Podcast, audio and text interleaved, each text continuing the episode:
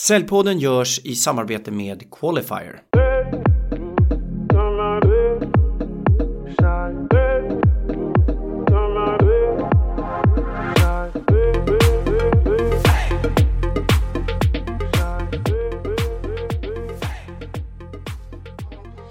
Hej och välkommen till Säljpodden, en podd för oss som gör affärer som ges ut i samarbete med Säljarnas riksförbund. Det här är ett specialavsnitt som ges ut mitt i brinnande coronatider där jag intervjuar olika företagsledare kring hur de arbetar nu för att ta sig igenom den här svåra situationen. Och idag har jag förmånen att få ha med mig min första kund i det bolaget jag startade 2016. Tobias Basilius, VD för Reko. Välkommen Tobias! Tack så mycket Ken! Hur är läget i dessa tider om man får fråga så brett? Ja, men jag tycker att det är, det är oförtjänt bra höll jag på att säga. Eh, det är mycket gnäll om de här tiderna och man kan ju inte sluta läsa om det men jag tycker att det känns ändå rimligt bra ska jag säga. Vad är, det som, eh, vad är det som gör att det känns rimligt bra för just dig? Nej, men vi pratade lite innan och jag har ju varit jag tror att många företagare känner en oerhörd rädsla och en orolighet i kanske hur länge kommer det här hålla på? Eh, hur är vi staffade och vad har vi för läge i verksamheten för att kunna ta oss igenom en sån här kris som det faktiskt är? Och, eh, ja, men det jag, jag blir lite stolt över mina medarbetare och hur de tar en sån här brutal eh, förändring eh, och, ställs inför det faktum att man behöver kanske jobba annorlunda, hårdare eh, och att det inte finns kanske mer resurser för att lyckas med samma saker som man gjorde innan. Jag tänkte vi ska prata lite om det, men kan du berätta först vad gör Reko och hur säljer ni era tjänster? Ja, det är många som faktiskt undrar det. Och det ska vi, vad vi gör i grunden är ju att vi hjälper företag att samla in omdömen. Alltså vi jobbar aktivt med att samla in omdömen med hjälp av en integration eller på något annat sätt. Och sen så pratar vi med företagen. Hur kan ni använda de här omdömena som kommer in eh, om er verksamhet på olika sätt? Eh, och det kan vara väldigt olika eh, beroende på vilken bransch det är. Vilka är kunderna då? Ja, men, största kundgruppen är eh, mäklare, fastighetsmäklare som säljer bostäder om man tänker på det beteendet så är det ganska vanligt att det är när man ska ta viktiga beslut som man vill jobba med REKO. Alltså har man kunder som ska ta viktiga beslut, vilket alla tycker, men eh, kanske lite större pengar, då ska man använda sig av en omdömestjänst eller något liknande. Och då är ju ja, men byggsektorn är stor för oss, eh, bil, handlare, eh, man köper stora kapitalvaror men också sådana här förtroendebranscher som tandläkare. Jag ska gå dit och låta någon eh, justera mina tänder eller jag ska eh, göra något annat som är så lite ja, men jag kanske släpper in någon i hemmet och låter dem städa. Då vill jag ändå veta att det är en, en vettig städfirma som andra kunder känner sig trygga med. Du sa att du är väldigt stolt över hur dina medarbetare har kavlat upp armarna och tagit sig an den här nya svåra situationen. Kan du utveckla? Ja, men alltså, för jag ska inte sitta här och säga, vi, har, vi ser en, en ganska brutal ordernedgång. Alltså nykundsförsäljning försvann ju nästan, onsdag för två veckor sedan så tog det tvärnit. Eh, och eh, vi har liksom medarbetare som mäts på hur mycket nya affärer de skapar och eh, vilken aktivitet de har. Ehm, och det var väl ganska uppenbart att vi, vi mötte en helt annan utmaning som inte vi har sett sedan vi startade bolaget. Ska jag säga. Om vi tänker att vi är entreprenörer, för när vi startade 13 år sedan så fick ju vi börja med att hitta vårt erbjudande och veta hur vi skulle gå till marknaden. Och det är ju faktiskt det som händer nu igen vi får också lära oss att gå till marknaden på ett nytt sätt. Så vi, eh, ja, men det är ju drygt två veckor sedan så satt vi oss ner, inte i ett krismöte men i ett ledningsmöte och diskuterade liksom två saker. Alltså hur kan vi bidra till ett samhälle som ställs ställs inför den här utmaningen. Och det är ju det enda vi kan är ju faktiskt samla in omdömen. Och, men det, och sen är det också, hur kan vi göra det här med de vi har på ett vettigt sätt så kanske finns en nytta i förlängningen. Och då kom vi överens om att vi skulle erbjuda hela marknaden, alla Sveriges företag att testa vår tjänst helt kostnadsfritt fram till sommar. Testa och kör. Vi tror att i allt som händer nu så det absolut viktigaste för företagen är ju att när en väl kund hör av sig eller visar intresse, då gäller det att man är väldigt attraktiv och trovärdig och en vettig relevant aktör. Hur har det mottagits då? då? Marknad, hur har det mottagits av marknaden, det här erbjudandet? Är det många som har hunnit nappa? Nej, men jag skulle säga så här, framförallt så är det ett helt annorlunda arbete. Säljare som har ringt och sålt grejer ringer nu och erbjuder saker kostnadsfritt. Det är väldigt annorlunda internt om man börjar där. Liksom. Nu vred jag på din fråga men ute i marknaden så är det ju lite samma sak. Det är så här, men vänta här nu, det, det, är lite för bra för att vara sant. Det är något lurt med det här. Men, mm så vi, får ju avtal, vi skickar ut ett avtal där det står att det finns inga förpliktelser, det är inga bindningstider, det finns ingen så här klausul att om du inte säger någonting eller ringer på ett speciellt nummer så blir det här ett kommersiellt avtal utan vi, vi, vi tänker oss att vi bygger relationer till presumtiva kunder under de här, vi gissar tre månaderna som kommer här nu och bygger en stark relation till dem som med tiden blir bra partners men de får vara det kostnadsfritt tills vidare. Tänker du sen, hur kommer det här påverkas? Det är väldigt många som erbjuder saker gratis just nu. Ser du någon utmaning när vi kommer igång igen att faktiskt få betalt?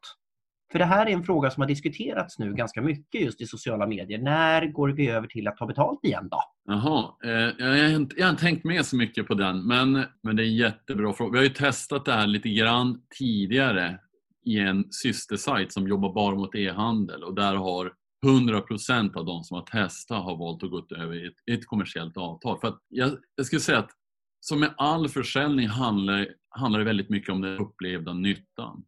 Och nyttan här, alltså när du får in omdömen och du ser hur det påverkar din verksamhet då blir själva kostnadsfrågan ganska sekundär. Man, man är inte lika grinig helt enkelt när man ska betala fakturan och man ser vad man får. Så att egentligen är det som allt annat, har du en bra produkt eh, eller en bra tjänst, då är det ingen fara att bjuda på den i, som ett introduktionserbjudande för att man kommer inte vilja säga upp den helt enkelt. Och har du en dålig tjänst så borde du inte ta betalt för den överhuvudtaget.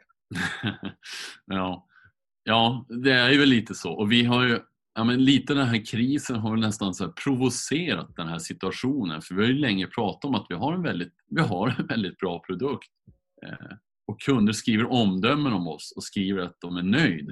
Eh, men som ännu inte vågat ta det här steget fullt ut och nu blir vi tvingade att göra det. Och det känns, vi har haft en jättefin förra vecka och många som har, som har eh, signat upp och vill prova tjänsten. Vad roligt!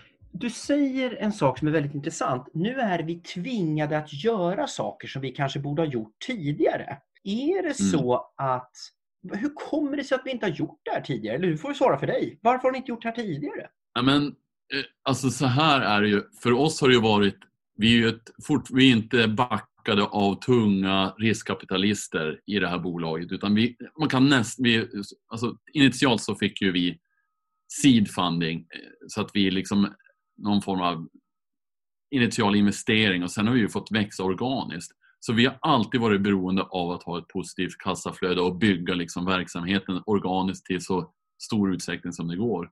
Och att då sitta och vänta på pengar tre månader, det är inte så många entreprenörer tror jag som är peppade på det om man får välja. Men nu får vi inte välja för att nu är det ingen som lägger upp pengar på bordet här upfront utan de som jobbar med oss jobbar vidare med oss men de nya relationerna, då måste vi först eh, bekänna färg och visa vad vi går för. Om du får spekulera. Nu blir du tvingad att göra, ta fram en ny affärsmodell. Det känns väldigt positivt, du uttrycker det väldigt tydligt så. När vi går ur den här situationen, nu har ju ni, omvärlden har ju satt tryck på er så ni har gjort att ni har agerat väldigt mycket snabbare och kommit fram med till exempel det här erbjudandet och vågat testa saker mycket snabbare. Tror du att du kommer att ha dragit några lärdomar av det här? När vi kommer ur krisen? Ja, alltså en sak som jag har tänkt som är nu intressant för det här med oss säljare är ju att vi, vi, vi tänker så här att ju bättre jag är på att sälja desto mer åra kommer jag kunna ta in.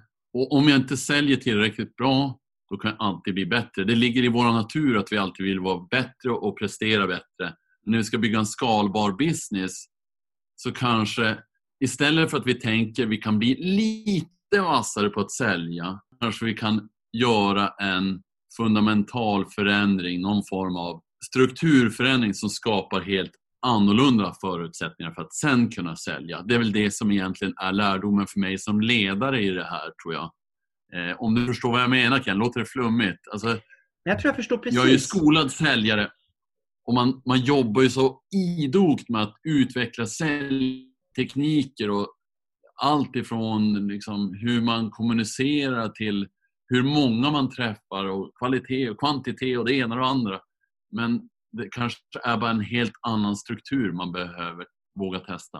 Och Det är väl det som är lite lärdomen. Så att när vi kommer ur den här krisen, nu lägger jag ord i mun på dig, men jag gör det medvetet. Då skulle man nästan tänka att man gör en ny affärsplan. Ungefär som att man startade om bolaget helt och hållet med alla lärdomar. Inte just du på Reko, utan generellt och titta på fan, hur borde det se ut då? Vi skiter mm. i allt vi har gjort tidigare. Hur skulle jag mm. vilja driva det här företaget om jag startade det idag? Mm.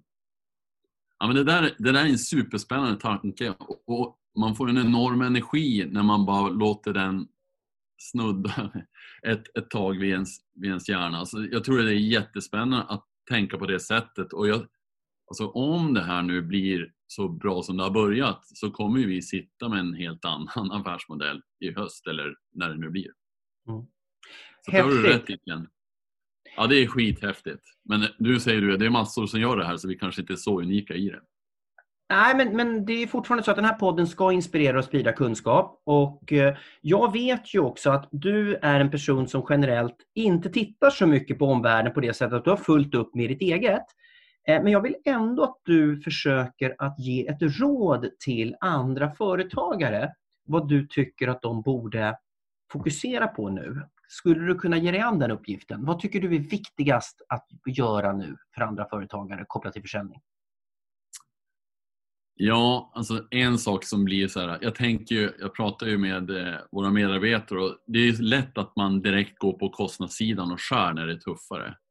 Eh, men det man absolut inte får skära i är ju kundrelationerna. Och det vi har gjort här nu är att vi lägger ännu mer tid och energi på alla befintliga kunder och säkerställer att de sitter starkare än någonsin med vårt erbjudande. Att det inte finns någonting de tycker vi gör halvbra eller ens mediokert utan vi vill att de ska älska det vi gör och vara, bli ambassadörer. Så det ska jag säga är, om man tänker vilka som är ens kunder och vad kan man lägga sin energi på för att säkerställa att de verkligen eh, uppfattar ens erbjudande på rätt sätt och tycker det är bra. Jag, jag, tror att det är, det är det absolut viktigaste för oss i alla fall och det är väl det jag kan tipsa andra om egentligen. Mm. Jättebra. Så att sätta sig ner och snabbt titta på kunderna. Levererar vi absolut det bästa vi, vi kan leverera till kunderna? Titta på nya affärsmodeller. Våga ställa om snabbt och prova hela vägen. Inte bara småskvätta lite när man testar, utan faktiskt våga hela vägen. Det är de tre råden som jag uppfattar att du har delat med dig av idag. Ja, men, magiskt summerat Ken. Jättetack Tobias. Vad ska du göra resten av eftermiddagen? Ja, nu har jag så här att jag ska sitta med en annan, med en ledare för just det här teamet som jobbar med det vi kallar growth-teamet och titta på hur det har gått under veckan som gick och lite planerna inför den här veckan. Eh, så det är dagens agenda. Toppen. Det låter som att på ett väldigt balanserat sätt, ni har utmaningar men det är också framkallat eh, en helt nytt sätt att driva affären framåt. Jättetack Tobias för att du var med idag. Ja men tack Ken, alltid kul att prata med dig. Ni har lyssnat till Säljpodden, en podd för oss som gör affärer. Personligen så har jag sagt i ett antal intervjuer jag varit med i att det här är klart, jag driver ett eget företag där jag inte har anställda eller höga fasta kostnader. Så att jag har väl inte drabbats än rent ekonomiskt. Men jag kommer finnas med i olika eh, situationer nu framöver. Bland annat nästa tisdag så finns det möjlighet att komma in och ställa frågor till mig. I samarbete med Weekly så gör jag ett webbinarie där jag svarar på frågor kring hur man kan agera i kristider, jämför lite grann med finanskrisen och dela med mig av erfarenheter kopplat till ledarskap och försäljning. Men stort tack för att ni lyssnade på Säljpodden. Ha en trevlig dag. Hej då! side.